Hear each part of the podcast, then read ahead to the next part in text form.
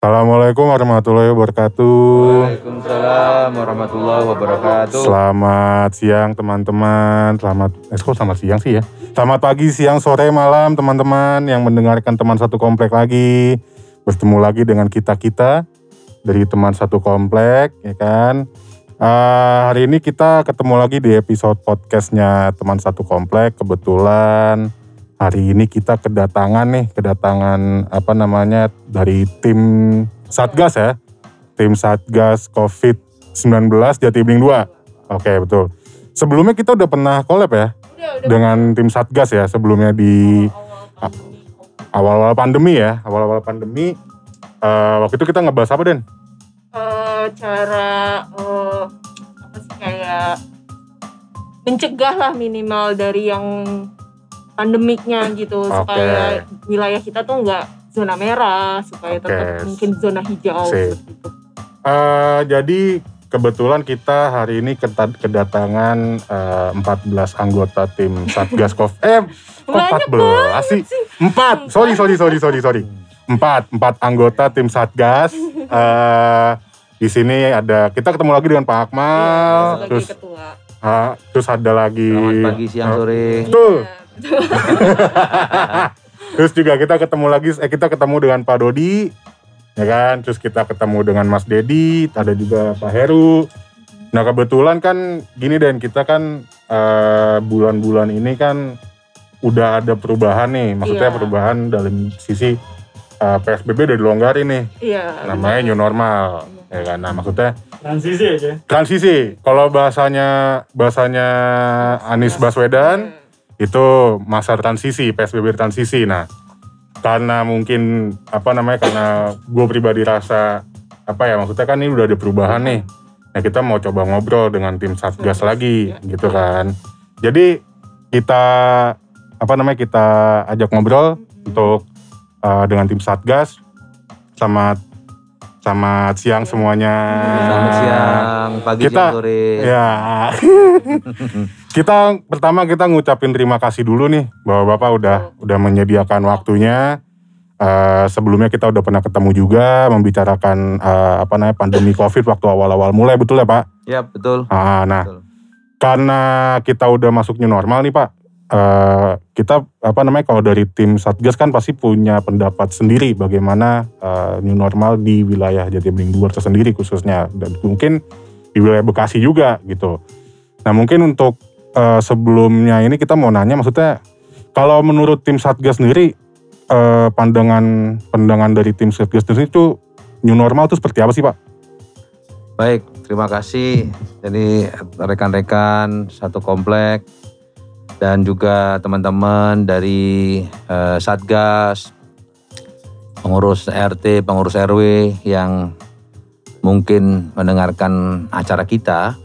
Jadi eh, definisi new normal ini kan sebenarnya eh, tidak baku ya, tidak ada penjelasan baku. Tapi kalau kemudian kita eh, definisikan, sebenarnya new normal ini adalah bagaimana kita eh, menghadapi pandemik ini di satu sisi, tapi di sisi lain eh, ekonomi, pertumbuhan, kebutuhan primer, pokok dan lain-lain dari masyarakat itu terpenuhi. Oke. Sehingga kita tidak eh, ketakutan yang berlebihan, tetapi juga tidak seperti halnya normal-normal biasa. Ini pemahaman yang umum gitu ya. Man, umum. Nanti kita bisa lebih jelaskan dengan data-data, angka-angka dan cara-cara. Oke siap. Ya. Jadi kalau untuk garis besarnya kan eh, new normal menurut eh, Bapak sebagai ketua tim Satgas kan maksudnya ada sebuah perubahan tersendiri dari kehidupan sosial ekonomi masyarakat gitu. Ya, ya. Eh, kalau untuk wilayah Jati Bening 2 sendiri Pak, karena kan ini kan tim Satgas khusus untuk wilayah RW 08 Jati Bening 2. Ya. Untuk perubahan-perubahan dari waktu Jati Bening 2 menga- apa, mengalami fase pand- eh, sorry PSBB maksudnya Ya. ke perubahan ke eh, ke new normal itu seperti apa? Baik, jadi yang perlu kita ingatkan PSBB ini masih berlaku. Oke betul. Jadi eh, dari awal sampai sekarang PSBB itu masih berjalan. Jadi tidak pernah atau belum ada pencabutan PSBB. Artinya kehidupan kita itu masih eh, dalam sebuah regulasi eh, pandemik gitu ya, dan pandemik. Akan tetapi ya, akan tetapi eh, pergerakan pergerakan hari ini gitu ya, itu membuat kita harus membuat fase yang disebut dengan new normal. Nah, bagaimana perbedaannya? Ya, data mengatakan alhamdulillah sampai hari ini jadi bening 2 khususnya itu eh, belum ada satupun yang terkonfirmasi ya berstatus sebagai eh, positif COVID-19. Ada beberapa yang waktu itu melakukan gejala pendekatan dan sebagainya, tapi kemudian eh, kita lakukan rapid swab dan sebagainya, semuanya tidak terkonfirmasi. Artinya dari awal sampai hari ini jadi bening dua itu adalah eh, eh, belum ada warganya yang terkonfirmasi COVID. Nah, apa bedanya hari ini gitu ya? Hari ini eh, pertama kami melonggarkan akses, Ya. Akses. Tetapi akses yang mengikuti protokol. Misalkan yang paling jelas adalah akses untuk peribadatan. Nah, peribadatan itu tempat kumpul ya, Hmm. tempat kumpul. Jadi kami dari Satgas memberikan eh, kelonggaran untuk melakukan peribadatan dengan protokol yang jelas. Jadi makanya eh, tempat-tempat peribadatan sudah bisa menjalankan aktivitas rutinnya karena ini masih PSBB dan masih pandemi protokolnya harus jelas. Jelas. Yang kedua, akses keluar masuk komplek kita. Hmm. Nah, kalau dulu kan mungkin eh, rekan satu komplek ini tahu kita aksesnya terbatas. Pintu gerbang hanya separuh, malam kita kunci gitu ya. Nah, sekarang kita buka dua eh, jalur, tetapi juga dengan malam terbatas. Karena memang faktor keamanan juga masih jadi perhatian kita gitu ya. Yang yang ketiga, aktivitas ya, aktivitas. Aktivitas warga mungkin yang mau olahraga pagi, yang mau jalan eh, pagi, itu kita rekomendasikan. Mungkin itu yang yang kentara ya, Ya. yang mungkin kelihatan. Jadi maka kita lihat jadi bening dua ini sudah mulai eh, kehidupan udah banyak, perjalanan orang keluar masuk sudah sudah ada. Ya, mungkin begitu. Oke. Eh, tadi kan juga eh, Pak Akmal menyinggung masalah peribadatan juga. Hmm. Dalam artian kita sudah diberikan akses untuk beribadah. Hmm. Eh, masalahnya kan ke apa ya? Kayak misalkan kita jumatan nih Pak. Mm-mm. Walaupun sebenarnya kita masih, eh walaupun sebenarnya udah diberikan akses, silakan. Mau Hmm. misalkan memang eh, mau diadakan jumatan, tapi hanya 50% dari kapasitas masjid misalkan. Ya, ya, ya. Nah, nah cuman kan ada kita pernah kena apa ya maksudnya ada selintingan-selintingan omongan masih ada orang-orang yang sebenarnya masih takut gitu pak Ya. untuk datang ke masjid atau misalkan untuk menjalankan aktivitas seperti biasa. Nah maksudnya untuk meyakinkannya misalkan sholat di masjid kita sudah menyediakan jarak antara satu satu satu eh, apa namanya satu satu jamaah satu jamaat. Nah, Hmm. tapi masih ada sisi ketakutan di situ. Ah, saya saya takut nih kalau misalnya saya sholat datang ke masjid tapi eh, apa namanya takutnya saya akan terkenal lagi gitu. Ya. Nah itu bagaimana cara meyakinkannya gitu sebenarnya? Jadi bagi yang takut sebenarnya ada benarnya. Hmm, Karena hari ini memang belum menunjukkan adanya tren turun. Oke betul. Artinya ketakutan itu bukan sesuatu yang eh, perlu kita ayo ini udah yakin nggak enggak karena Hmm. ketakutan eh, lingkungan itu juga muncul karena memang hari ini belum selesai Belum selesai betul. Artinya kurva yang sebelumnya itu naik kemudian sempat turun di bulan Ramadan sekarang ini cenderung naik. Sehingga eh, kalau toh akses dibuka dengan protokol ketat itu tetap ada aturan. Misalkan usia umur ya, umur yang eh, anak-anak sama umur yang eh, eh, apa namanya di atas, 60, gitu ya. 50. Maka disarankan memang tidak. Oke. Apalagi kalau dia ada penyakit yang menjadi bawaan. Hmm. ya penyakit-penyakit yang memang kronis pada tubuhnya disarankan tidak. Karena memang sekarang ini mas yang yang lebih ngetren tuh adanya yang disebut dengan OTG ya orang tanpa gejala. Tahu jalan betul. nah, ini masalahnya. Dan eh, pemerintah pusat gugus eh, tugas pemerintah pusat sekarang menyiapkan BNPB juga menyiapkan tentang adanya ledakan pasca mudik. Hmm. jadi ini sekarang beberapa rumah sakit terbesar di, disilahkan diminta untuk membuat planning bagi makanya kalau teman-teman lihat trennya sekarang naik kan Naik betul. naik ada seri di atas seribu dan Seribu, sebagainya. terakhir 1400 pak. Ya, artinya pernah 1400 Iya. ya. Karena memang trennya itu sekarang masih ada dan dan diduga ini kan sampai dengan di pertengahan Oktober Iya. akan naik lagi. Dan saya punya grafik di semua provinsi di mana ada yang sudah naik dan turun, ada yang naik, turun, naik lagi. Hmm. Artinya memang kondisinya demikian. Nah, eh, tadi kembali lagi kepada bagaimana meyakinkan. Yang yang sebenarnya yang kita perlukan bukan meyakinkan ya, tapi mengedukasi, mengedukasi. Bagi warga yang sehat, yang eh, tidak pernah atau tidak punya keluhan, ya silahkan datang ke masjid. Hmm. Masjid dibuka aksesnya. Tapi bagi anak-anak, bagi yang sepuh, yang apalagi punya gejala dan sebagainya, disarankan tidak. Jadi ini memang eh, protokolnya masih begitu, Mas. Jadi ini yang yang perlu kita eh, tekankan bersama. Di satu sisi kita memberikan open access, di satu sisi kita juga mengingatkan. Hmm. Nah, sebenarnya new normal itu pada dasarnya awalnya didorong untuk kita tetap tumbuh di ekonomi. Mas. Iya, betul. Kan kita nggak lucu ya, kita takut sama corona, kemudian kita mati kelaparan, Iya, kita mati bangkrut negara kita. betul. Sehingga kita harus punya pandangan bagaimana ini berjalan. Dan saya punya data per akhir bulan Mei itu dari beberapa negara, termasuk di ASEAN ini, yang paling bagus Indonesia Indonesia. dengan pertumbuhan 3%. Cina itu sampai minus 6% mas. Pertumbuhan, Pertumbuhan ekonomi. ekonominya, Artinya iya. cuman karena dia walaupun minus tapi karena sudah kaya gitu ya, masih punya stok. Hmm. Nah kalau kita sampai minus, wah kita bisa bahaya, bisa kolaps negara kan. Hmm. Bahayanya jauh lebih besar. Oleh karena itu dibuatlah kebijakan new normal. Sebenarnya new normal ini kan bertahap nih. Iya, Makanya kalau kita lihat teman-teman eh, siswa-siswa itu masih belum boleh masuk. Hmm. Jadi dia eh, masih eh, pendidikan itu berjalan sampai dengan Desember Hmm. secara daring. Pusat-pusat ekonomi yang berjalan. Mungkin nanti mulai minggu depan itu ada eh, mall yang jalan gitu. Kalau yang lain misalkan perkantoran, trading itu udah mulai jalan. Mulai jalan. Jadi memang kondisinya begitu Mas, Hmm. begitu. Dan dari awal memang ini yang harus kita jelaskan tidak pernah ada larangan orang sholat ya, Iya. jangan salah. Yang yang ada itu adalah larangan untuk berkumpul, iya. ya berkumpul.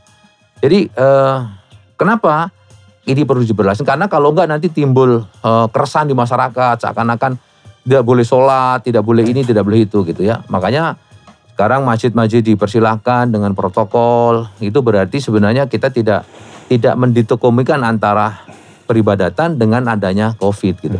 Gitu mas. Oke. Eh tadi ada juga bahkan eh, Pak Akmal sempat menyinggung masalah berkumpul ya. Ya. Setahu saya kan saya pernah baca berita itu sebenarnya pemerintah sudah membolehkan untuk ber- untuk mengadakan misalkan ada kelompok-kelompok itu berkumpul pak. Mm-mm. Tapi hanya dibataskan sebenarnya hanya lima orang sebenarnya Ya. Dalam PSBB ya. dalam eh, enggak dalam mas eh, dalam masa PSBB transisi ini gitu. Nah maksudnya kan eh, apalagi kan kalau misalkan kita lihat khususnya wilayah Jatibening 2 kan pedagang-pedagang nih atau misalkan tempat-tempat berkumpul sudah mulai buka tempat nih Pak Mm-mm. untuk tempat ngopi lah segala apa untuk tempat makan. Nah maksudnya kalau misalkan sebenarnya kalau dari dari dari tim satgas sendiri yang menangani apa namanya menangani wilayah apa masalah covid ini di wilayah Jatim 2 eh ya sebenarnya kalau untuk berkumpul sih karena kan berkumpul kan mem- memang sebenarnya kan riskan sebenarnya Pak. Mm-mm. Mm-mm. Nah, Mm. untuk berkumpul-kumpul sendiri sendiri itu sebenarnya dari tim Satgas apakah sebenarnya membolehkan atau sebenarnya justru tidak membolehkan karena kita mengacu bahwa sebenarnya kalau saya pribadi karena saya nggak beritanya sebenarnya sudah dibolehkan Pak Iya, gitu. iya. Itu seperti apa Pak? Baik, sebenarnya pada new normal itu eh apalagi yang berkaitan dengan perputaran ekonomi, Iya. intinya boleh. Nah, boleh dengan protokol. Oke. Artinya protokol karena kita kan makin tahu sebenarnya COVID itu menyebar dengan cara apa. Iya. Terus problem yang eh, membuat COVID ini menjadi sesuatu yang lebih berat pada tubuh kita kayak apa. Mm-mm. Itu cara recovery-nya kayak apa. Makin tambah pengetahuan dan knowledge kita, maka maka kita makin mencoba eh, mengenali kan, Hmm. aktivitas mulai dibuka. Nah, eh, berkumpul itu kan yang penting menjaga jarak gitu ya. Iya. Kalau misalkan ruangannya di lapangan bola, ya kan nggak mungkin lima orang. Artinya bisa saja 10, 50 orang, tapi kan jaraknya tetap. Yang ada itu adalah kalau misalkan di warung, tempat makan, itu 50% kapasitas. Jadi Oke. dengan harapan akan ada jarak. Iya. Karena ingat ini belum normal. Iya. Ini Normal. masih pandemik. Artinya ledakan itu masih terjadi. Mobilisasi penduduk orang itu berdampak terhadap mobilisasi meningkatnya Ya, penyebaran. Penyebaran. Ya, sekarang ini pemerintah sedang berupaya agar kemampuan rapid testnya secara nasional Hmm. itu 20 ribu per hari. Sorry, maaf, maaf Pak dipotong. Hmm. Rapid test atau swab testnya Pak? Ya, gini, gini. Jadi eh, rapid test, eh, jadi sama itu.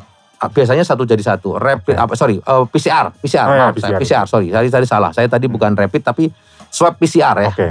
Swab, PCR-nya sekarang kemampuannya baru 12.000 ribu. Iya. Nah, itu akan ditingkatkan menjadi 20.000 ribu. 2000. Sebagai bentuk jaminan terjadinya new normal. Iya. Makanya kalau kemudian eh, itu kan menunjukkan coverage kemampuan untuk mengecek itu makin tinggi, Makin ya, tinggi, makin betul. tinggi.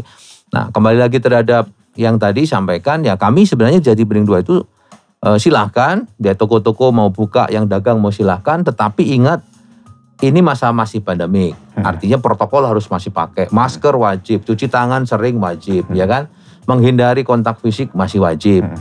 mengurangi kapasitas di tempat itu wajib. Lebih baik eh, apa tadi pagi saya sempat jalan-jalan dan saya lihat ada beberapa warung itu yang ditulis di situ hanya me, apa, menyediakan untuk pack atau bungkus. Iya. Itu kan bagus gitu take away-nya. Iya. Kan jadi artinya mereka punya kesadaran antara yang jual gitu ya sehingga orang yang beli nggak ada yang nongkrong gitu. Betul. Tapi ya juga masih ada yang mungkin makan di tempat gitu ya karena memang pertukaran sendok, piring itu masih masih memungkinkan ya masih memungkinkan. Karena eh, sekarang ini kita khawatir dengan ya tadi orang tanpa gejala Iya. OTG. Mungkin gitu. Oke.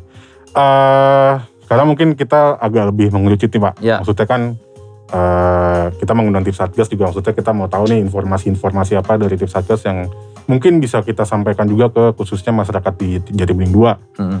Eh, karena ada ada ya kita mungkin menganggapnya memang udah ada perubahan dalam artian walaupun sebenarnya PSBB belum dihapus tapi sudah ada PSBB lanjutan namanya PSBB new normal ini Iya. gitu.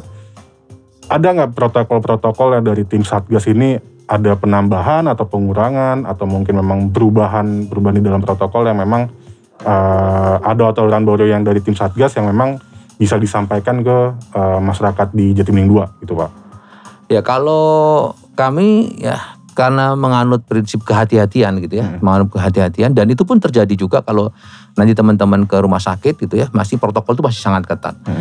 Jadi artinya kehati-hatian itu apa? Nah, semua protokol terkait dengan physical distancing, masker, cuci tangan dan sebagainya masih kita jalankan. Oke. Tapi misalkan warga mau jalan sehat, ya silakan. Oke. Karena jalan sehat itu kalau risikonya level 1 Hmm. ke level arti kita nanti saya akan share beberapa data ya mulai dari level 1 sampai level 9 Oke. apa saja aktivitasnya Oke. misalkan kalau olahraga itu jalan sehat sama tenis lapangan ya Hmm. itu levelnya satu anda nggak kontak kan Iya. tapi kalau misalkan eh, basket berenang itu Hmm. levelnya 8 Oke. sangat berisiko karena basket nggak mungkin nggak kontak Iya betul. pasti kontak nah, jadi nah itu eh, level-level ini akan eh, mencerminkan itu yang harus kita sampaikan ke masyarakat oke. silakan Bapak Ibu beraktivitas tapi ingat levelnya kayak gini. Apalagi kemarin contoh misalkan eh, ibu-ibu kita mau senam gitu ya. Hmm. Ya silakan, boleh tapi ingat physical distancing, jaga jarak, Oke. tidak berkerumun, tidak berpelukan, tidak jabat tangan, cipa-cipi gitu kan. Lama nggak ketemu kan Mas. Iya, Pak. Aduh ibu gimana gitu lupa Oke. gitu. Nah ini yang harus harus kita yakinkan. Karena eh, mungkin awalnya kita steril karena udah kumpul banyak kan kita tidak pernah tahu. Iya. Oleh karena itu eh, hal-hal yang kayak gitu kita buka, kami persilakan, tapi dengan catatan-catatan. Oke. Misalkan ibu-ibu PKK sudah empat bulan nggak pernah kumpul, Nah. bagaimana? Ya silakan, tapi dibatasi. Kalau sebelumnya satu RT lima orang, ya mungkin satu RT cukup satu atau dua yang hadir untuk rapat. Sehingga eh, tempat rapat itu maksimum 50%. Jadi tetap dengan jaga. Karena kalau enggak, ya apa pun juga ini masih pandemi. Iya. Kita harus tetap waspada, kita hati-hati, tapi jangan takut, jangan takut. Nah itu kan itu sebenarnya kalau menurut saya jadi masalah lagi pak Ya. karena eh, justru hal yang sebaliknya terjadi dalam Hmm. artian gini pak saya eh, apa namanya justru masih banyak orang-orang menganggap ya udah kalau misalkan memang sudah new normal ya balik normal lagi Mm-mm, gitu pak itu mm-mm. kan jadi problem gitu Iya, anggapan betul, orang betul. eh, ini udah new normal kok ya saya, kayak saya bisa beraktivitas seperti biasa lagi gitu Iya, kayak misalkan iya. Kumpul-kumpul gitu kumpul-kumpul atau misalkan kayak tadi bapak mau bilang pak mau bilang arisan nah Hmm. itu kan eh, meyakinkannya itu kan agak sedikit apa ya agak sedikit risk gitu pak Iya. karena anggapan orang ya saya nggak mau diatur karena ini, ini pemerintah aja udah bilang normal nih gitu Iya, kenapa betul, kenapa betul. kamu ngatur-ngatur saya gitu nah Ya, maksudnya ya. bagaimana supaya bagaimana supaya orang-orang itu terdidik ya ini sebenarnya belum norm belum belum belum pure normal Iya. gitu pak itu kan agak susah gitu pak Saya pikir podcast ini salah satunya gitu. Oke. Iya kan? Ini salah satunya. Artinya saya semangat sekali waktu teman-teman bilang, Pak kita ngomong new normal. It's the right gitu. It's the moment gitu kan. Ini adalah momen kita untuk ngobrol kepada lingkungan kita, pada orang tua kita, pada adik-adik kita. Adik-adik oke kamu sehat, ingat loh kamu punya orang tua. Mm-mm. Kamu ngobrol, ngumpul oke, tapi ingat orang tuamu umur berapa di Iya. rumah. Ada gejala nggak dia di rumah penyakit-penyakit kronis? Kalau ada, it's high risk. Hati-hati. Kita nggak apa-apa, mungkin kita menyampaikan pada orang tua kita. Nah, kesadaran ini terus harus tetap kita sampaikan. Mungkin kita lagi sama teman-teman yang sama muda, lagi happy, imun tinggi kan mas? Iya. Happy kan imun tinggi gitu ya. eh badan sehat, kita ketempelan mungkin sedikit-sedikit juga nggak apa-apa. Iya. Tapi waktu kita pulang, Bisa apa yang juga. nempel ke kita tidak ada masalah kepada orang lain yang berisiko Iya. jadi masalah. Bisa masalah. Jadi sampai sekarang Mas, eh, data untuk orang yang di atas 58 atau 60 yang ke atas, itu risiko meninggal kena COVID itu 3, 23 persen. Oke. Ya, kalau orang bilang COVID ini nggak mematikan, itu datanya adalah orang yang kena COVID di usia 5, 60 ke atas, itu risiko meninggalnya 23 persen. 60 ke atas. Ya. 60 ke atas. 60 ke atas. Itu 23 persen. Saya ada datanya. Nah kemudian untuk yang bayi di bawah lima tahun itu sekitar 1,4 persen. Yang di bawah lima tahun. Nah memang kalau sudah di atas lima tahun itu di bawah satu persen. Kecil lah ya kecil. Nah yang lain rata-rata itu ya sekitar satu atau dua persen. Mungkin teman-teman yang muda kayak kita-kita ini kan kita muda semua ini sekitar itu. Tapi ya itu tadi jangan sampai kita jadi OTJ ya Iya. toh. Jangan sampai kita jadi OTJ. Jangan sampai kita menjadi carrier. Iya. Itu problemnya sebenarnya. Kalau kita ketempel, makanya kenapa saya ingatkan sekali lagi, kita pulang beraktivitas ingat baju yang dipakai di luar jangan dipakai cuci. ke dalam rumah. Iya. tuh. Kalau dipakai masuk rumah secepat lepas. Lepas. Kalau nggak sempat mandi, lap-lap, cuci tangan, pakai sabun, ganti baju yang dipakai di rumah. Untuk apa ini? Untuk yang di rumah. Tuh. Bukan untuk kita, untuk yang di rumah juga. Kalau mungkin nempel di baju, ya tidak terbawa. Mungkin kita semua ini sudah kena sebenarnya. Karena kita juga tidak tahu kan Iya. terpapar. Tetapi karena kondisi kita, ya mudah-mudahan eh, itu menjadi membangkitkan antibodi gitu ya. Makanya eh, saya selalu sampaikan, khususnya yang punya keluarga berisiko itu harus benar-benar ketat protokol. Ketat protokol ya. Di pulang yang rumah itu bajunya bagaimana. Ya mungkin bagi yang, wah di rumah saya Alhamdulillah misalkan eh, resikonya rendah gitu. Hmm. Ya Anda bisa bersyukur. Tapi jangan kemudian Anda ke mana-mana bawa gitu kan. Hmm, Betul, Pak. Mungkin gitu. Mungkin Pak Dodi atau Mas Dodi menambahkan. Ini Mas Dodi ini eh, juga anggota eh, Satgas, juga Hmm. beliau Pak RT kita. Ya, Oke. terima kasih eh, buat rekan-rekan. Ini saya eh, gembira sekali atas inisiatif dari rekan-rekan bahwa dalam rangka kita menghadapi bentuk baru ya, Hmm. kehidupan baru new normal ini bukan berarti seperti apa yang disampaikan tadi bebas Hmm. ya kan karena beranggapan karena pemerintah new sendiri normal. sudah Hmm. mengatakan ini normal. Padahal sebetulnya dari data yang disampaikan tadi oleh Pak Ahmad sendiri bahwa pandemi ini masih terus masih ada gitu ya. Nah inilah fungsi kita sebetulnya teman-teman di Satgas untuk tetap berupaya mengingatkan kepada warga kita bahwa apa yang sudah kita sampaikan edukasi baik dalam bentuk brosur ataupun bentuk-bentuk eh, eh, pamflet yang sudah kita ini bahwa tolong itu tetap diperhatikan Hmm. karena kita bukan berdiri sendiri, kita punya keluarga, punya orang-orang yang kita cintai, yang tingkat resikonya mungkin beda-beda gitu ya.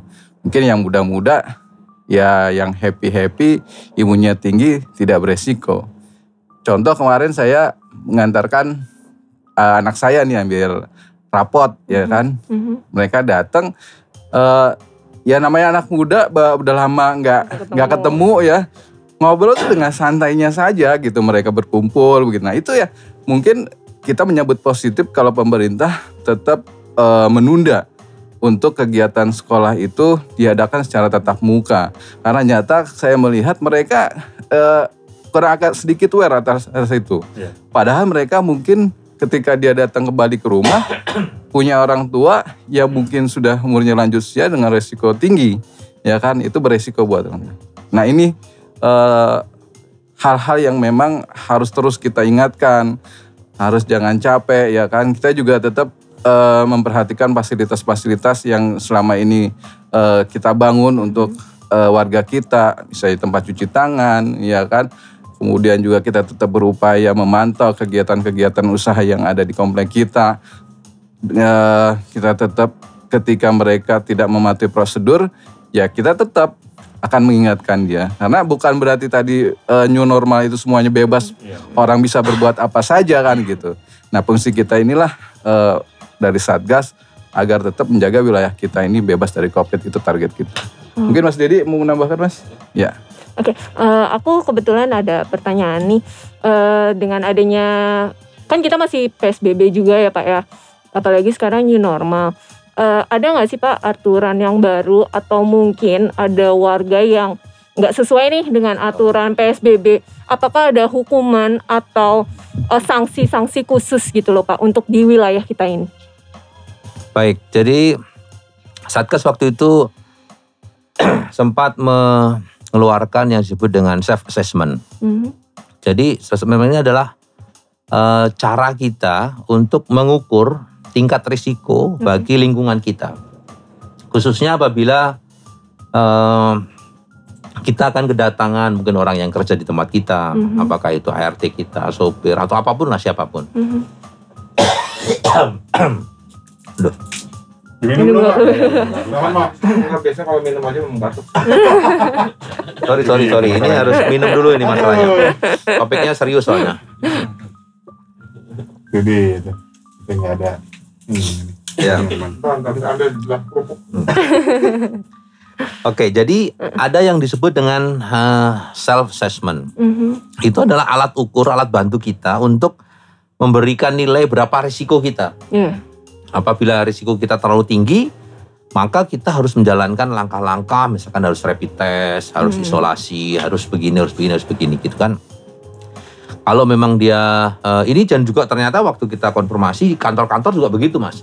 Jadi kalau satu hari sebelum kita masuk kantor, kita harus mengisi self assessment, kemudian kita tunjukkan bahwasanya kita lo risk, Anda boleh masuk kantor Hmm. tunjukkan nanti hasilnya.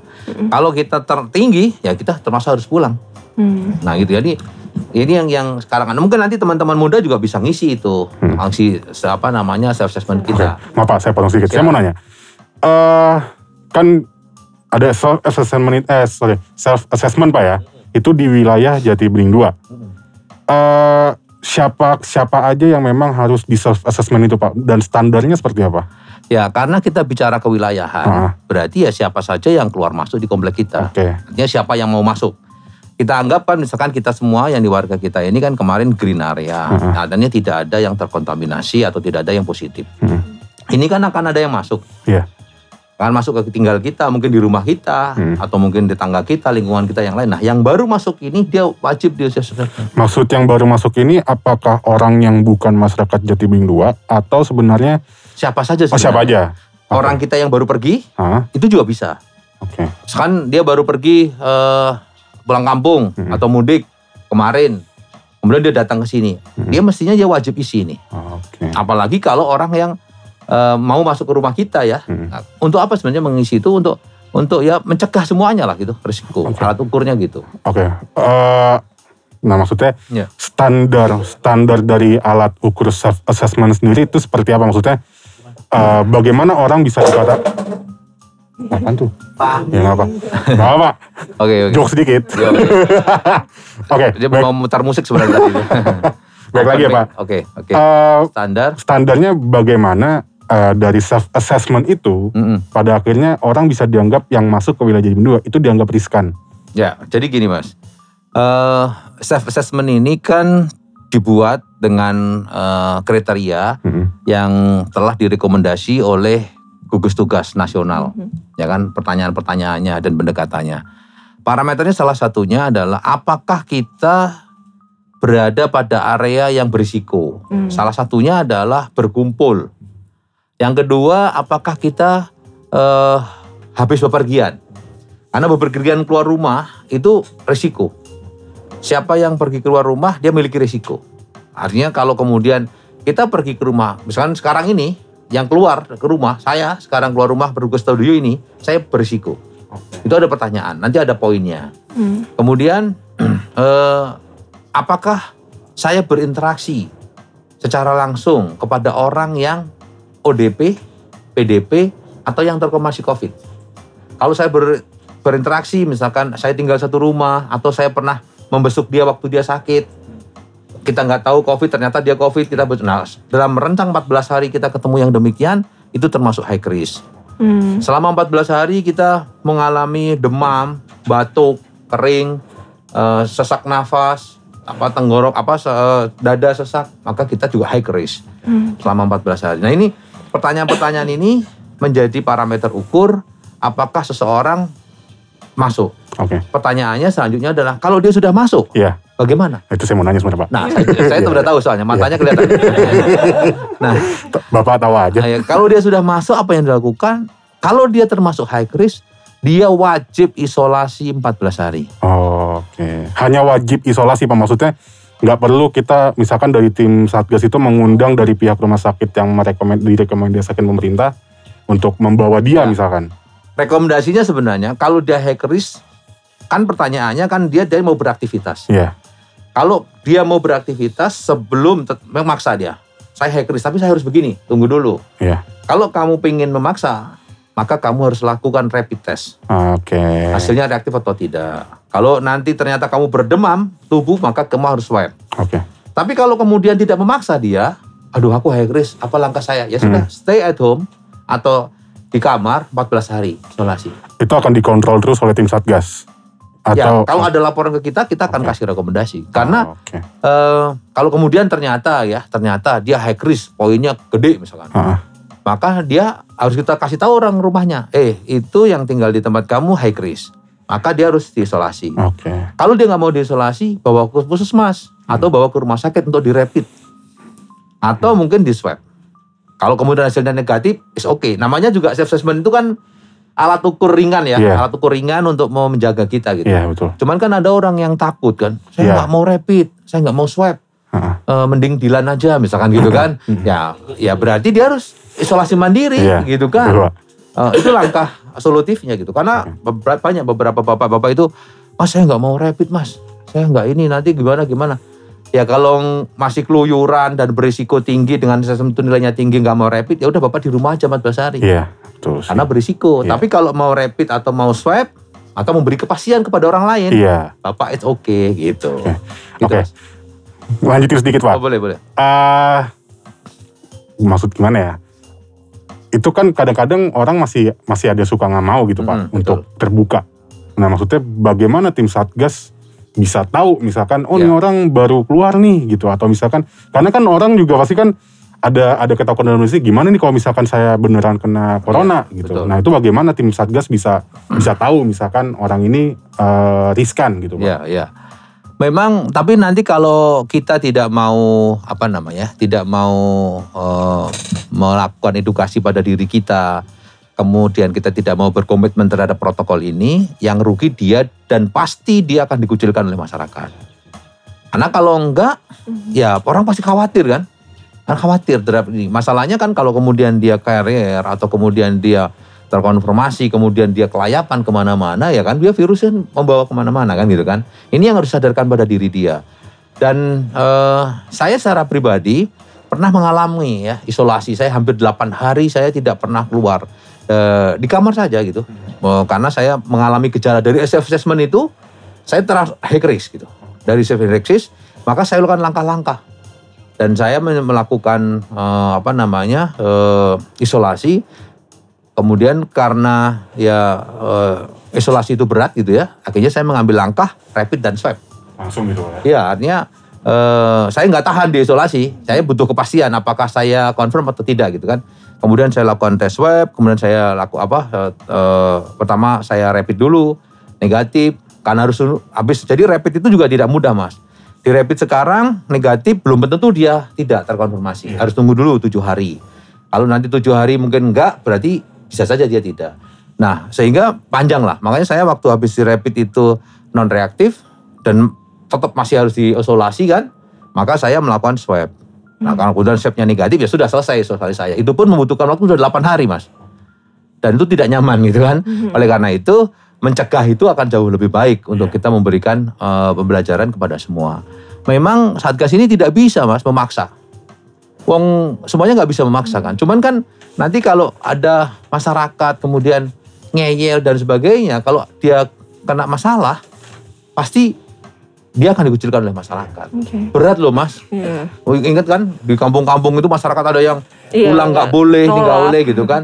Itu karena ketakutan yang tidak berlebihan. Tapi mau- oleh karena itu apabila ada yang terkonfirmasi dan sebagainya, mestinya dia punya kesadaran. Eh, saya harus begini nih. Kalau nggak nanti risiko bisa ke mana-mana gitu. Hmm, Jadi memang ini ya podcast ini harus sering-sering lah. Kalau perlu nanti panggil tokoh masyarakat, tanyain gitu. Kemarin kan kita, aku kan kontak Mas Dedi, Mas Iya. Dedi aku mau ngajak lagi nih gitu. Iya, iya. Nyolong, Oh yaudah ayo, ayo aja gitu ya udah gitu. Bagus, bagus. Oke, Eh, ada pertanyaan lagi nih Pak. Boleh, boleh. Ke- kebetulan kan dengan adanya new normal ini perniagaan atau eh, untuk yang berdagang di wilayah Jatibening 2 ini kan udah mulai mungkin Banyak, agak ya. berlonggar gitu ya Pak ya. Ada nggak sih Pak untuk rencana Satgas untuk mengadakan rapid test untuk setiap-setiap eh, pedagang di wilayah eh, Jatibening 2 gitu? Ya, sebenarnya kami dari Satgas itu punya akses ke Mhm. pemerintah yang eh, kita bisa untuk mendapatkan rapid test dan Mhm. itu beberapa kali eh apa namanya kita rekomendasikan warga yang tadi berisiko untuk Mhm. dilakukan rapid test. Tapi kalau memang kita paksa mandiri, karena rapid test itu juga butuh biaya ya. Hmm. Terkadang orang kan mikir satu dua kali untuk berpikir kok saya ini nggak apa-apa untuk begini-begini gitu ya. Oleh karena itu eh, kami sebenarnya juga sudah merekomendasikan apabila nanti eh, kepada orang yang sering berkumpul atau pedagang atau apa untuk lakukan rapid test. Cuman karena eh, sampai hari ini area kita ini dianggap ya dianggap masih tidak terlalu berisiko, maka upaya untuk ini masih Dipending. belum dipending. Hmm. Tapi kalau ada sesuatu yang eh, berdampak pasti direkomend. Karena waktu beberapa waktu lalu Mhm. kita ceritakan kronologi begini-begini begini, langsung kok direspon Hmm. untuk rapid test. untuk rapid test Rapid ya. test. Jadi ada satu warga yang waktu itu ada dugaan begini-begini dan ada orang yang kontak langsung karena takut khawatir dan sebagainya, kita minta rekomendasi rapid test, langsung lakukan rapid test. Hmm. Jadi memang eh, kalau memang tidak ada halal yang terlalu risiko kan karena rapid test itu kan biaya ya, Hmm. kosnya gitu.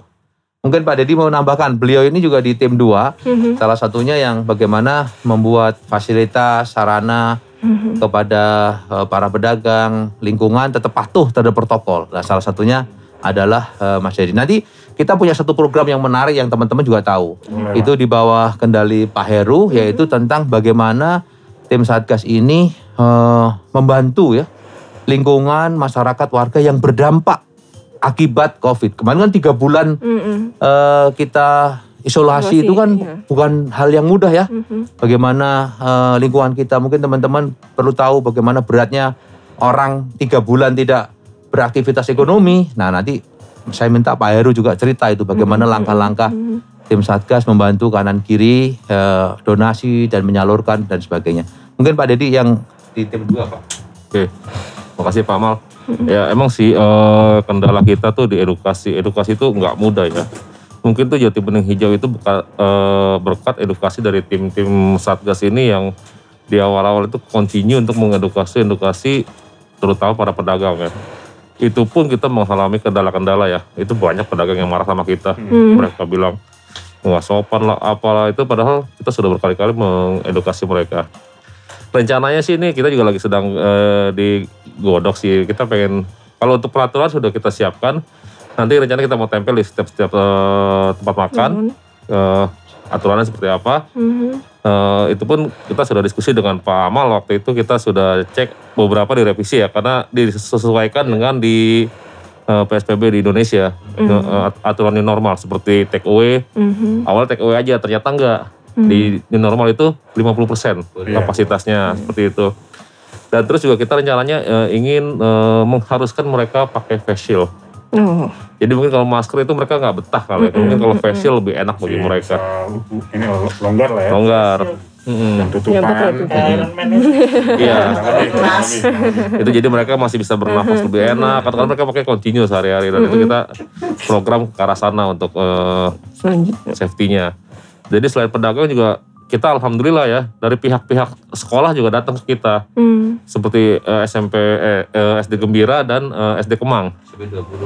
SMP 20 juga. Hmm. Jadi SD mereka pembagian rapot diskusi dengan kita bagaimana caranya kita edukasi mereka Mm-mm. dan kita sarankan mereka bikin satgas juga. Oh, Oke. Karena mereka untuk menghadapi tahun ajaran baru nanti Mm-mm. gimana caranya. Mm-mm. Alhamdulillah TK Gembira sekarang di tiap depan kelas sudah tersedia tempat cuci tangan, Hmm. hand sanitizer dan guru pun rencananya akan mengajar menggunakan face shield. Oke, oke. Selanjutnya nih Pak, Hmm. untuk eh, new normal ini ada nggak rencana untuk wilayah kita untuk disemprot desinfektan gitu? Kalau desinfektan gimana Pak Amal? Nah.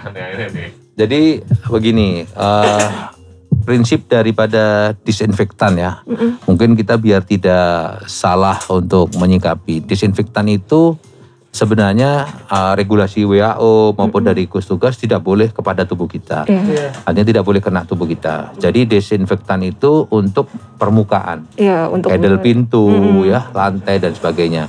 Nah, kalau kemudian kita mau nyempet komplek, berarti kan sebenarnya yang kita so- kalau semprot kan nggak mungkin dalam rumah ya, Iya, pasti jalanan dan sebagainya. Jadi itu kurang efektif. Maka kalau ada desinfektan itu bagus, tapi dilakukan di rumah masing-masing oleh setiap warga. Mm. Jadi kesadaran, ya kita ngepel, ngepelnya yang berdisinfektan, ya mengandung disinfektan. Handle-handle pintu, ya pagi sore dilap gitu ya. Hmm. Artinya semak, tapi kalau kemudian eh, apalagi kalau ada mobilisasi ruangan itu mobilisasi kayak di toko macam-macam dia wajib itu harus dilap minimal pagi siang sore harus dilap pakai disinfektan. Nah kami tidak rekomend kalau kemudian kami melakukan disinfektan apalagi pakai drone gitu ya Iya. muter apalagi pakai wah, itu saya saya sangat tidak rekomend. Tapi Terlalu mahal pak. ya mahal dan juga efektivitasnya kurang. Juga kurang, Iya. betul. Tapi kalau kemudian di dalam satu warga gitu ya ada kasus tertentu, maka kami melakukan. Tapi untuk isolasi tempat, misalkan di satu tempat ada case ya, ada kejadian pada jam sekian, hari sekian ada kejadian begini, maka untuk mencegah terjadinya eh, kekhawatiran, ini kan warga itu butuh ketenangan ya. Iya, Oke, benar. satgas datang kita semprot di lokasi itu, kan kira-kira gitu. Hmm, oke. Tapi kalau kena badan ya sampai yang waduh itu kita enggak lah, kita enggak rekomend. Enggak, enggak. Ya, Itu gimana mah nih, hanya di wilayah-wilayah perkarangan rumah mungkin pak ya. Yang Iya, di- iya. Yang untuk masing-masing rumah gitu ya. Ya, artinya eh, gini, kalau ada case, ada kasus, misalkan waktu itu ada kasus di satu rumah ya, kita rumah itu kita disinfektan, Iya. kita semprot untuk me- memberikan ketenangan ya. Artinya kita kan perlu memberikan ketenangan juga rasa aman ke lingkungan, ke masyarakat gitu ya. Tapi kalau efektivitas desinfektan itu ya dia lap, semprot terus dilap, Dilap. jangan dibiarkan kan gitu. Hmm. Karena setelah mati kan harus residunya itu harus, Dilap ya pak. harus Saya dilap. baru tahu saya. Desinfektan Dan baru tahu. harus dilap. Iya. Jadi setelah disemprot ya harus dilap. Karena dia di permukaan ya mas, handle macam-macam itu. Hmm. Karena kalau nggak disemprot nanti residunya kan nggak keangkat itu. Nah, Oh, harusnya. oke. Informasi itu berarti. Iya. Soalnya saya di rumah. Berdua nggak tahu deh. Iya, karena gue juga nggak Gua tahu. Gue nggak tahu. Kalinya disemprot ya sudah. Ah, Kalau nggak pak, saya mau nanya. Kalau Iya. misal kalau di rumah saya kan pakainya Baiklin nih pak. mm-mm. Itu Baiklin juga harus dilap itu pak? Apa hanya dibiarin aja? Sangat bagus dilap. Oh, Misalkan habis handle pintu nih. Pakai handle lap kering gitu ya, Pak? Iya, ya lap aja. Tisu Oh. boleh, pakai Oh, oke. kanebo boleh. Setelah Soalnya- disemprot seret, lap seret. Gitu. Soalnya di rumah saya disemprot Baiklin jadi karatan semua Ya pak. itu makanya. Karena sebenarnya pri- prinsipnya itu corona hilang, kor- korosi datang gitu. Pak, jadi karatan semua. Karena prinsipnya itu kayak ngepel, Mas. Oh. Jadi disinfektan itu yang bagus kayak ngepel. Ngepel itu kan Iya. nggak mungkin dibiarin kan. Iya. Gosok-gosok. gitu. Oh, baru tahu nih saya benar Iya. saya baru tahu pak. Saya baru Misalkan tahu. meja habis ini cacat-cacat ya dilap seret gitu. Hmm. Anda nanti cari di YouTube tuh cara penggunaan disinfektan yang benar. Semuanya habis disemprot pasti dilap. dilap gitu ya. Oh. Informasi ya. Iya. Oke oke. Ya, silakan. Ah, ah, Pak, selanjutnya nih Pak untuk yang new normal ini untuk update status wilayah Jati Bening baru, kelurahan Jati Ya. Bening baru atau mungkin wilayah Jati Bening 2. Ini masuknya udah ke zona apa nih Pak? Apakah kita udah aman di zona hijau atau kuning? Aduh. Jadi kalau kita bicara kelurahan, sebenarnya sebenarnya kalau Iya. zona itu ya zona eh, zona merah gitu ya, mungkin ada yang hitam gitu ya. Iya. Itu kan hitungannya per kelurahan. Hmm, oke. Nah sebenarnya update yang terakhir untuk jadi bening baru ini ya belum belum clear benar Mm. karena ada salah satu RW Mm-mm. Itu yang masih memiliki kasus terkonfirmasi COVID dua orang. Dan itu dekat dengan kita ya di eh, RW sebelah itu. Artinya eh, secara kelurahan kita masih punya warga yang terkonfirmasi Masih. terkonfirmasi. Nah, ini yang yang makanya kenapa kita masih pandemik sebenarnya gitu. Pokoknya harus diingat itu. Jangan dilihat oh jadi bening dua kan nggak ada kasus. Ya Iya. tidak begitu. Artinya Emang jadi bening dua memang apa di apalagi di RW 8 apalagi dia masih berinteraksi. Selagi masih ada interaksi ada mobilisasi harus tetap waspada. Karena PSBB masih berlaku tren grafik masih terjadi. Jadi masih yang dikatakan suatu daerah itu bebas covid adalah apabila selama 28 hari tidak terjadi penambahan orang yang terkonfirmasi covid. Mm. Oke. ya kan masa inkubasi itu kan 7 sampai 14 Iya. dua kalinya. Jadi selama dua kali itu orang sudah tidak kena, maka salah satu negara yang bebas itu New Zealand. Iya. Mm. New Zealand itu udah clean karena dia udah eh, selama 28 hari tidak ada kasus baru, maka dianggap sudah tidak ada di sana. Dan Mm. orang yang sakit sudah sembuh. Oke. Nah ini nanti sebagai ini juga gitu. Nah memang eh, kabar gembiranya gitu ya, kan Mm-mm. ini sudah ditemukan ada lima formulasi obat untuk mencegah terjadi penyebaran COVID. Itu kemarin udah ada dirilis beberapa kombinasi-kombinasinya gitu ya. Eh, itu me- mencegah untuk penyerangan. Artinya, tapi ini khususnya untuk yang high risk ya, yang high risk gitu. Tapi obat yang paling hebat itu adalah antibody, imun. Sendiri. Imun itu ada di yang pertama dia harus tidur cukup, Mhm. yang kedua dia harus happy. Ya, harus happy. Happy. Happy, Happy ini yang aja. penting. Jadi dia harus bisa karena selain juga makanan gizi dan sebagainya Iya, ya, tapi benar. eh, bagaimana kalau orang yang stres maka imunnya pasti drop. Oleh karena itu ya kumpul-kumpul untuk edukasi podcast sering-sering itu juga membuat kebahagiaan kan. Insya Iya, Allah. amin. Insya Allah. Mungkin tadi Mas Heru untuk bisa yang program tadi tuh yang Oke, silakan. Nah ini juga program kita, program kita yang ketiga itu mas, Yang udah dilakuin. selain edukasi, kemudian juga menjalankan protokol atau kepatuhan, yang ketiga ini adalah program bagaimana warga ini saling bantu terdampak. Jadi dari kita untuk kita, bagaimana yang terdampak ini kita bisa lakukan. Mungkin eh, Mas Heru, silakan Mas. Boleh Pak, silakan. Ya selamat siang teman-teman satu komplek Siang. pagi siang Pagi, sore. siang, sore. Jangan lupa rumah makan Padang pagi sore. Gratis ya. Saya biasanya ditanya dulu sih. Saya biasanya ditantang dulu nanya dulu baru kita jawab deh. Oke, kayaknya harus yang wanita kayak Pak. Eh, seger ini. Silakan. Oke. Oh ternyata. Oke, iya, ya, Om Heru aku mau nanya nih, Hmm. ada program terbaru apa nih menjelang adanya new normal di wilayah kita gitu? Iya Mbak, makasih ya Mbak Denis. Iya. Ini yang di antara yang paling ganteng, paling cantik. Insya Allah. Ya,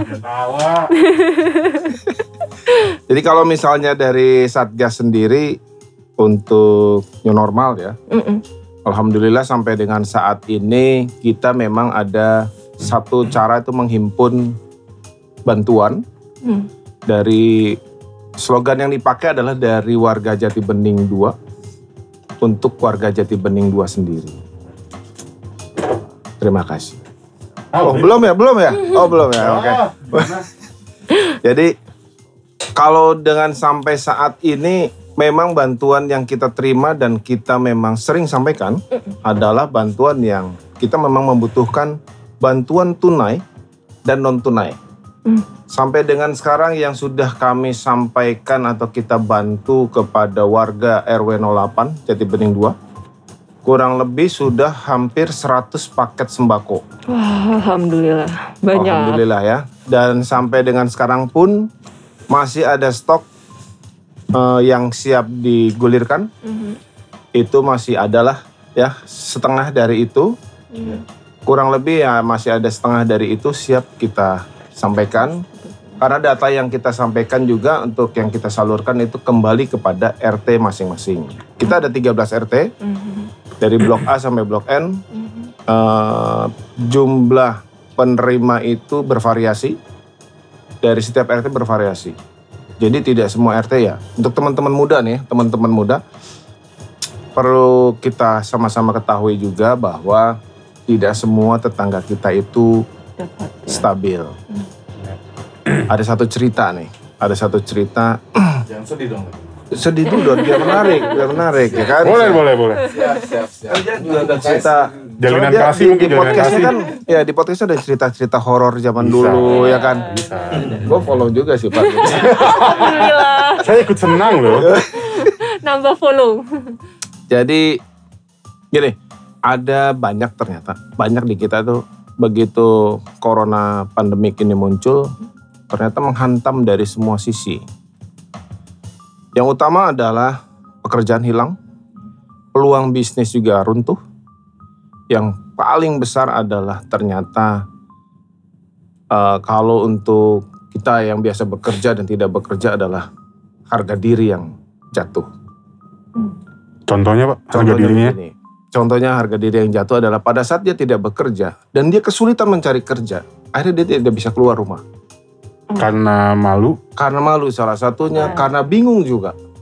Nah, fungsi satgas pada saat itu adalah eh, menjembatani antara RT dengan RW untuk langsung masuk ke dalam mereka melalui RT tentunya. Hmm. Waktu itu kita sempat menyalurkan bantuan kedua ya, Pak Dodi ya? Eh, pertama sorry, pertama. Bantuan pertama yang dirilis setelah Pak uh, uh, Kasatgas keluarkan, kita salurkan pertama itu salah satu, saya melihat melihat langsung sendiri bos. Bos ya, manggilnya kayak digelodok ya, bos ya. Jangan, saya masih Jangan, muda. masih muda ya. Muda. boleh nggak apa-apa? jangan dong. Jangan dong, jangan dong. Jadi Oh.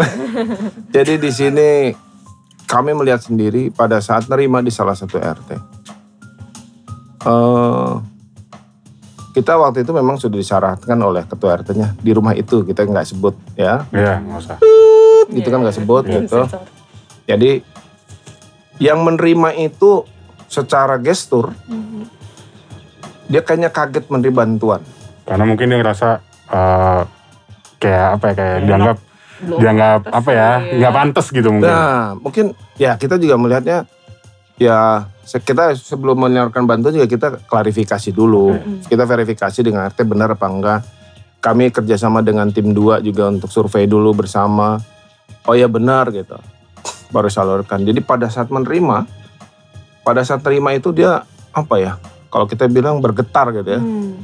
Terus matanya tuh Kaca-kaca. ya dia kaget dari mana ini gitu. Hmm. Hmm. Oh ini dari warga Jati Bening 2 melalui RW dia bilang. Oke. Oh, kok ada ya dia bilang. Jadi begitu Pak. Jadi saya kita ya kebetulan Pak Dodi bareng kita hanya ngeliat ya kita hanya balik kanan akhirnya karena itu komunikasi antar RT dengan warganya. lah. Harganya, betul. Dari situ saya dengan teman-teman bisa melihat bahwa oh ternyata mereka juga butuh diperhatikan Mas. Oh, oke. Jadi bantuan yang kita sa- kita tampung dari warga itu bukan kita keluarkan untuk keluar enggak. Hmm. Tapi untuk Kita memang fokus ke dalam. Iya. Dan semua RT itu terdampak. Apalagi yang memang sudah sendiri, sepuh, anaknya jauh. Itu yang biasanya menjadi fokus utama. Yang kehilangan pekerjaan, kita juga tidak bisa memberi besar ya. Biasanya kan ada ber- beras sekitar 5 sampai 10 kilo, Hmm.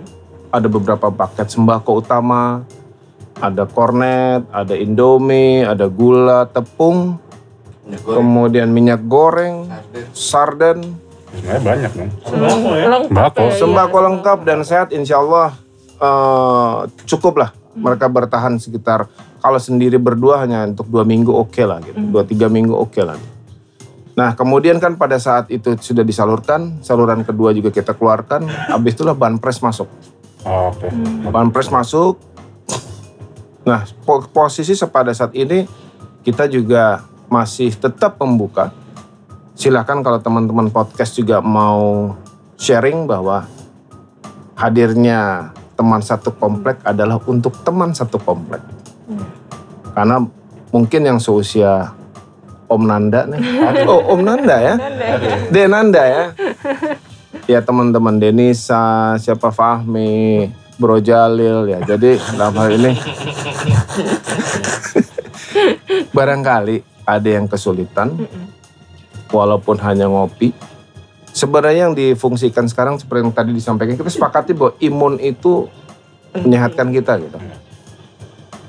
Kita duduk bareng tuh bukan ngobrolin tentang uang sih sebenarnya. Kondisi sekarang tuh nggak ada tentang uang karena semua nggak punya uang. Namanya kita menghadapi COVID itu semuanya tidak punya uang. Kita tidak pernah bicara punya uang. Saya salut ya. Kita salut sebenarnya jujur nih eh, dari pengurus RW, RT, apalagi dengan kotak yang lebih kecil dari Satgas, kita tuh melihatnya podcast ini yang hadir. Alhamdulillah kita apresiasi sekali. Sangat apresiasi sekali. Karena kalian itu sebenarnya adalah corong utama untuk merangkul hati-hati yang tidak tahu. Hati-hati orang atau pikiran orang yang kalian tidak tahu, tapi dengan melihat format acara seperti ini, dengar ngobrol. Nah ini harusnya mungkin lebih, makanya tadi seperti yang Pak Amal sampaikan, yuk sama-sama apa yang mau kita, apa yang kalian punya konsep, disampaikan itu. Bisa Nah. di-sharing. Nah di-share, diajak. Orang juga new normal bukan berarti terus kemudian kondisinya kembali normal. Iya. Kita mengarah ke normal, cuman new normal bukan dalam arti sekarang yang pacaran dengan laki boleh dengan laki lagi nggak boleh kan gitu. Bukan new normal bukan. Itu nauzubillah mendalik jangan ya. Jangan dong. jangan. Nah itu itu bukan aturan new normal yang benar gitu. Jadi hati-hati. Jangan dong. nah kalau misalnya kembali ke pandemik tadi kembali ke kita harus sepakat dulu satu sama. Bahwa semuanya menjadi tanggung jawab kita semua. Kami yang di tim tiga kesiagaan itu hanya memang mengolah dan menyalurkan bantuan. Dalam waktu dekat akan disalurkan kembali bantuan setelah semua data dari RT masuk. Karena yang sekarang kan ada yang mulai bekerja atau malah masih suspend untuk tidak bekerja. Atau lagi cari kerja. Atau yang lagi cari kerja. Dicari yang kerja. Nah, Kalau bisa. kalau bisa. Kalau bisa. Nah itu yang hal-hal yang kayak gini mungkin dengan podcast ini juga disampaikan. Nih barangkali ada informasi si Anu lagi butuh ini. Itu bisa bisa misalnya si Anu lagi butuh pekerjaan ini atau ini ini. Nah, Sekali. Gak apa-apa, bagus, bagus, bagus, bagus. Oh, bagus, bagus, bagus. pembantunya gak pulang gitu.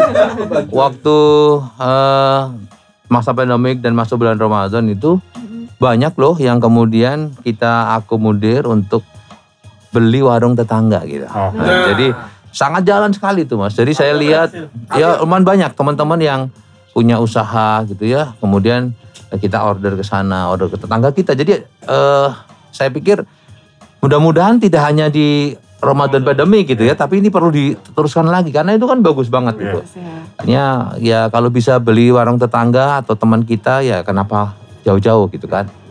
Mungkin nanti bisa diundang tuh pengalaman yang jualan di podcast Boleh. tuh bagaimana dia itu. Boleh, tuh bagaimana. boleh. Biar Bisa, memacu teman-teman gitu kan. Dan saya lihat teman-teman muda ini juga punya bisnis juga nih kalau nggak tongkrongan di dengan masjidnya. masjid. Iya, itu kan bagus itu. Itu base camp lah ya. Iya. Bantu teman itu. Membantu Bantu teman, teman. itu, Pak. Betul, betul, membantu betul, teman betul, saya betul, langsung. Kopi balap, kopi balap. Bisa ditelepon nggak dia ngirim kopi ke sini ya? Belum buka, belum buka. Masalahnya orangnya baru bangun, Pak. Oh, iya iya. Ini iya. orangnya tadi ngabarin katanya baru bangun. Iya, oke, tadi oke, tadi oke. dia sebenarnya mau ke sini, Pak. Dia mau ke sini mau mau bawa kopi, taunya dia baru bangun. Oke oke oke oke. Oke. Eh, oh udah hampir sejam ya. Mungkin pertanyaan ah, masih ada pertanyaan sebenarnya sih. Nggak apa-apa pertanyaan terakhir Pak ya. Boleh boleh. Ada dua pertanyaan sebenarnya. Eh, saya mau nanya, eh, wilayah Jati Bening 2 sebelumnya udah ada yang pen- pernah dapat bantuan presiden Pak? Iya pernah. Oke, saya mau nanya Pak, gini. eh di berita-berita kan saya pernah lihat banpres ini ternyata banyak yang ternyata tidak sampai ke orang yang semestinya. Iya iya. eh masalahnya adalah ternyata se sepembaca saya itu ternyata Kementerian Sosial menggunakan data dari pemilu, Hmm. kalau nggak salah saya baca.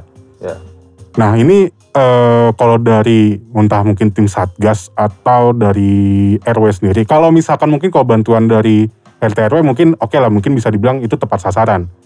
Nah yang jadi masalah apakah banpres ini di wilayah Jatibening 2 menurut tim satgas sudah sesuai eh, sasaran atau belum?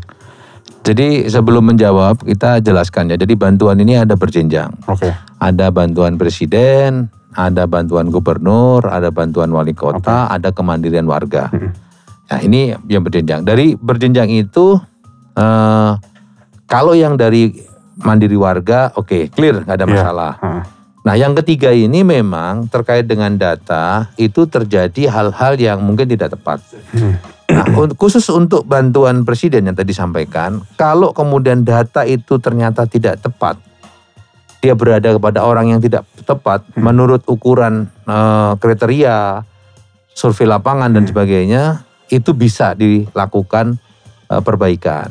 Dari RW sendiri. Nah, ya siapa yang melakukan perbaikan adalah kesepakatan dari pengurus RT, Oke. pengurus RW yang kemudian dilaporkan kepada kelurah. Oh, Tadi. oke. Nah, tapi kalau yang kemarin ada satu juga warga yang eh, setelah mau diberikan bantuan tapi menurut kriteria tidak masuk, Hmm. tapi karena tidak bisa dialihkan, dibawa balik itu kalau nggak salah ya. Oh, Nah, iya. ya, ada di Iya, salah iya, satu iya. di blog di kita namanya masuk yaitu bantuan dari tingkat oh, wali kota kalau tidak wali- level level wali kota ya Hmm. mau dibagikan namanya Mr. X gitu tidak mau datang disurvei lihatnya ternyata nggak sesuai kriteria Iya. tapi karena dia mungkin mau eh, apa menggunakan kepastian itu ya tidak pernah hubungin kita ya waktu dilihat nggak masuk benar dibawa balik Oke. sebenarnya kalau kemudian dia ngubungin kita kita bisa lihat kondisi di lapangan bantuan yang sudah diplot itu bisa kita bantu ya. ya pada orang yang tepat gitu tapi kemarin ya itulah kira-kira kejadiannya Ah. Cuman kalau yang uh, Banpres kemarin kita mendapat kemudahan ya dari sistem distribusinya itu ada RT, RW dan lurah melakukan Hmm. approve sesuai dengan kenyataan di lapangan ya nggak ada masalah. Oke. Walaupun sebenarnya ya kalau dari jumlah penduduk yang ada di Jati Bening 2 atau RW 8 ini ya kita paling sedikit sebenarnya proporsi yang mendapat bantuan. Iya. Tapi kan ya harus disyukuri gitu ya, Iya. harus disyukuri. Dibandingkan misalkan yang di luar Iya. komplek RW lain dan sebagainya. Soalnya memang kebetulan saya dengar kabar juga Hmm. teman saya di ada teman saya di komplek sebelah Pak AL. Hmm. Itu memang banyak warganya itu yang sebenarnya mampu dalam keadaan ya walaupunnya maksudnya mampu untuk untuk makan tuh masih mampu gitu Pak. Hmm, hmm. Cuman ternyata dia dapat bantuan gitu. Iya, nah iya. maksudnya kan eh, itu itu menurut Bagaimana? saya mungkin tidak tepat sasaran gitu. Iya, iya. Itu tidak tepat sasaran karena harusnya kan yang dibantu mungkin adalah orang-orang yang kehilangan pekerjaan mungkin. Iya, nah maksudnya kan Oleh karena itu kemarin kita mas eh, berdasarkan karena kita komunikasi ini kan karena satu komplek ya makanya ada pod- ada teman satu komplek juga gitu. Iya. Jadi kan deket banget. Iya. Jadi antara eh, RT dengan warganya dengan RW itu deket gitu loh. Hmm. Jadi komunikasinya ini gimana pak? Gini. Oh ya udah dah yang yang ada di nama mengikhlaskan juga Iya. ya sudah itu mungkin lah berhak. Kita juga menyampaikannya bener-bener amanah ini yang Iya. pas lah kalau nggak nggak pas ya kan nggak gitu ya. Iya. Jadi memang eh, namanya orang merasa loh aku masuk dapat bantuan mestinya ya nggak apa-apa gitu ya. iya iya. Tapi kan kalau kemudian kita bicara eh ini warga kita loh mestinya kalau Harusnya mereka juga ngerti gitu iya, harusnya. Iya, Oke. mungkin itulah.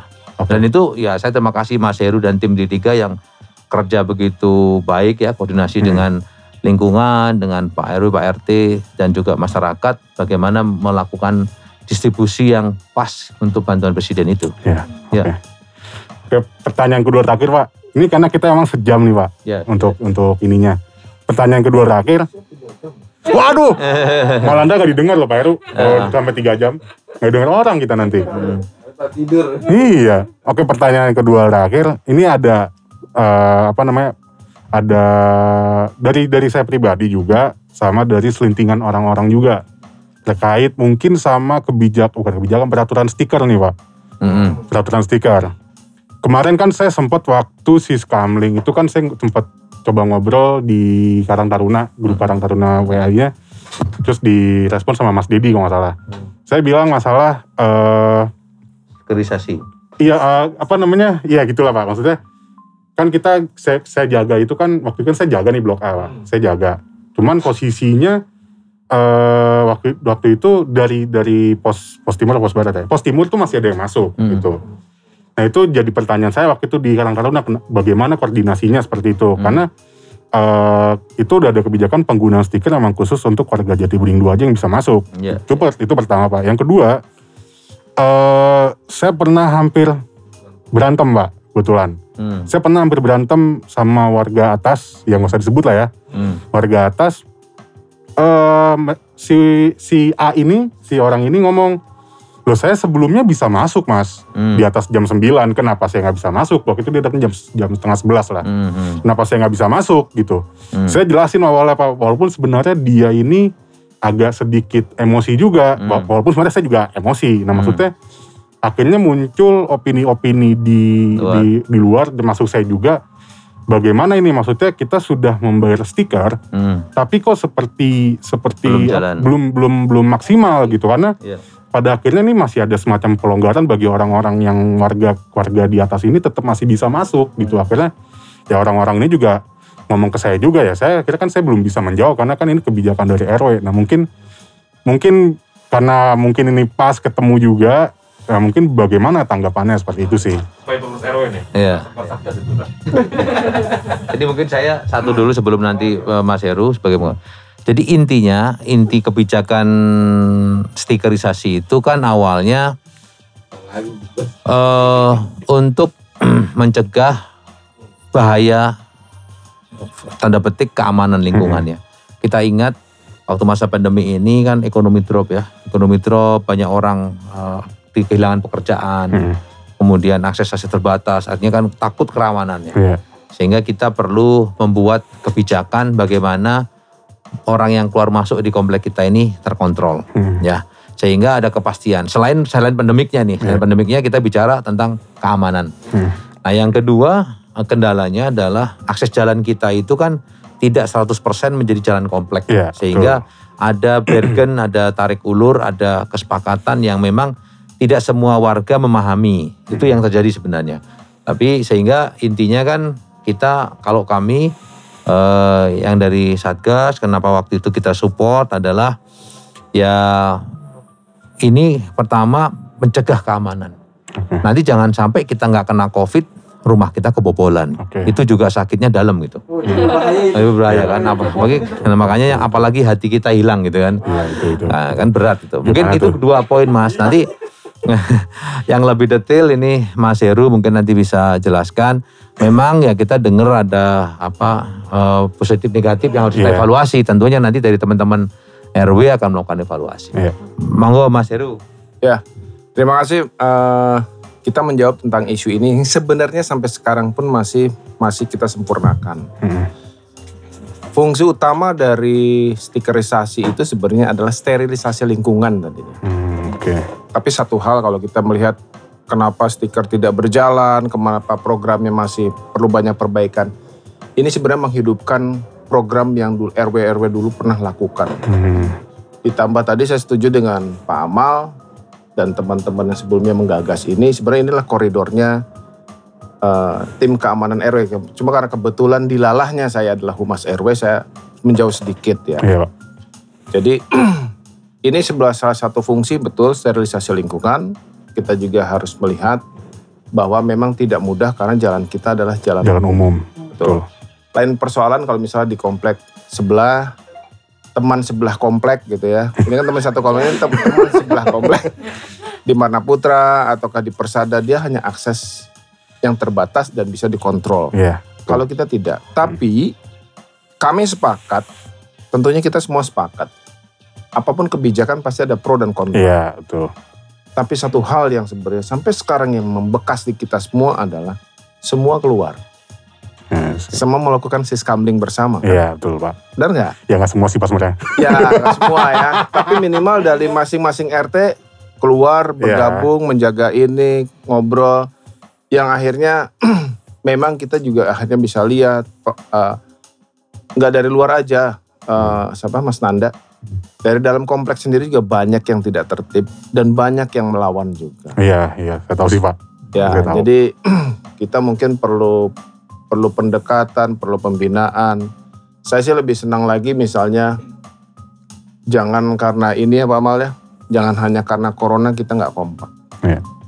Isu yang pertama yang muncul sekarang saya saya bangga sih ada teman satu komplek ya. Ini Pak Dodi tadi nanya ada stikernya nggak katanya teman satu komplek. nanti mau dibikin sih Dia mau pasang di motor gitu. nanti akan dibikin ditunggu aja Pak Dodi tenang aja Oh. tenang aja Jadi dalam hal ini kalau bukan hanya stiker, stiker itu adalah salah satu. Oke. stiker itu adalah salah satu identitas aja gitu. Ya identitas karena bukan hanya keluar masuk, ternyata di luar pun misalnya kita ketemu di mana, kan kita loh, karena di situ ada identitas RT ya, blok ya. Blok. Oh teman ini dari RT sebelah, misalnya atau dari blok sebelah, yang akhirnya tadi nggak kenal jadi ngobrol, Iya. atau kita nauzubillah mendalik ada trouble di jalan, oh teman satu JBD kan gitu misalnya, itulah sebenarnya yang hanya yang wajib kita bangun.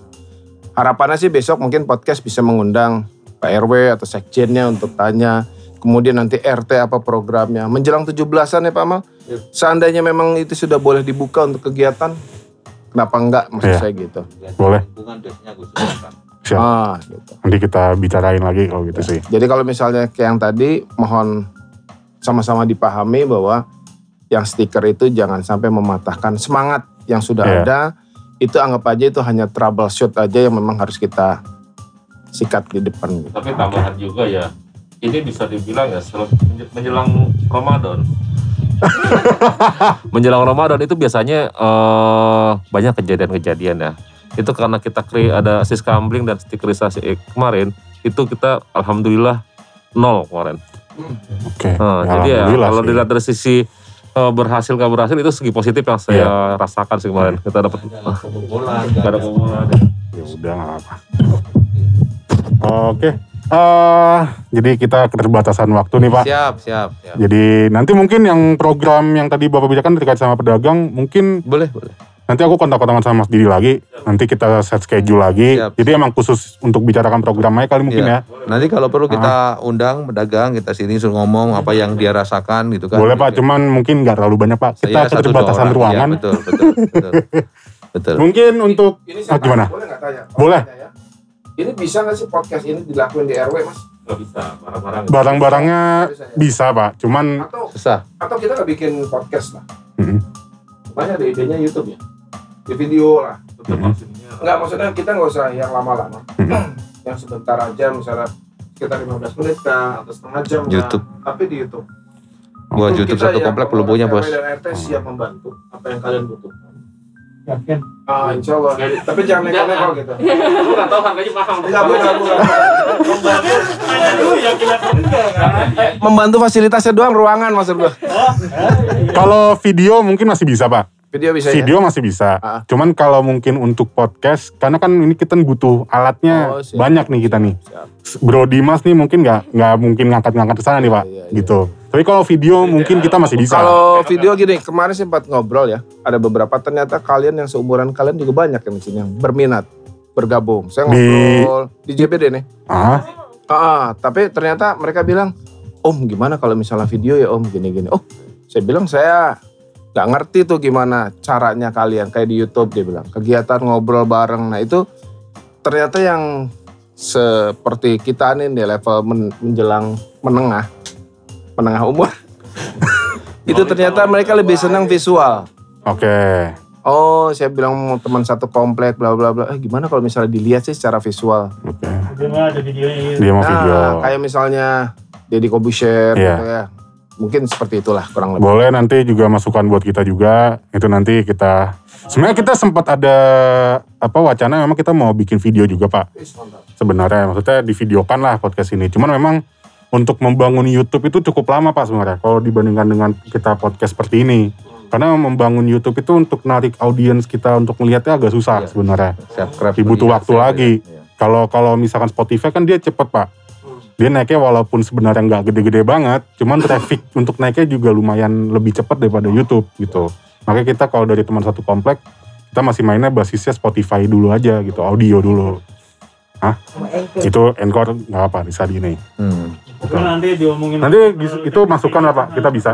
Kita masukkan juga dan mungkin eh ya teman maksudnya tadi tadi Pak Heru kan bilang ada teman-teman juga yang lain berminat gitu. Ya ya kita juga masih keterbatasan orangnya juga dalam artian kita nggak ada channeling ke sananya gitu. Kalau mau berminat, Ya. di Di kita selalu bilang kita setiap podcast kan kita selalu bilang kita base campnya di samping masjid gitu. Ya cuman ya gitu-gitu aja nggak ada yang datang juga gitu. Karena kita nunggu tuh. Iya kita nunggu setiap hari. Ya kalau bol kalau bisa mah ada wanitanya gitu kan. Sebenarnya mah gitu. Oke, eh, mungkin eh, sebagai kata penutup mungkin dari tim Satgas ada yang mau disampaikan mungkin dari Pak Amal atau dari teman-teman lain gitu. Cek, eh, terima kasih. Yang pertama ini kan eh, tim satu komplek ini luar biasa. Saya apresiasi. Dan pada kesempatan yang baik ini saya hanya mengingatkan kita semua bahwasanya new normal ini eh, adalah salah satu upaya kita untuk survive agar kita bisa eh, melewati masa kritis. Tetapi pandemik belum berakhir. Eh, penularan belum berakhir. Eh, vaksin belum ditemukan. Obat pasti juga belum didapatkan. Oleh karena itu, yang ingin kami sampaikan kewaspadaan mengikuti protokol bahwasanya COVID ini adalah fakta, COVID ini adalah realita, itu tidak boleh diabaikan. Jadi eh, kita menggunakan protokol, selalu menjaga jarak, physical distancing, sering-sering cuci tangan pakai sabun, apa hand sanitizer atau yang lainnya yang kira-kira membantu untuk mencegah penularan COVID menjadi sangat penting. Ya. Saya pikir itu saja, Mas. Oke. Oke, eh, kita ucapkan terima kasih tim Satgas dari Jatiming 2. Terima kasih banyak sudah mau diajak untuk kolaborasi. Siap. Nanti mungkin kita akan set schedule lagi untuk membicarakan program lagi Pak Heru. Oke, siap. Nanti kita set schedule. Eh, jadi gitu teman-teman teman satu komplek eh, untuk podcast hari ini eh, kita selesaikan dulu mungkin ya. Jangan lupa di follow Instagram teman satu komplek.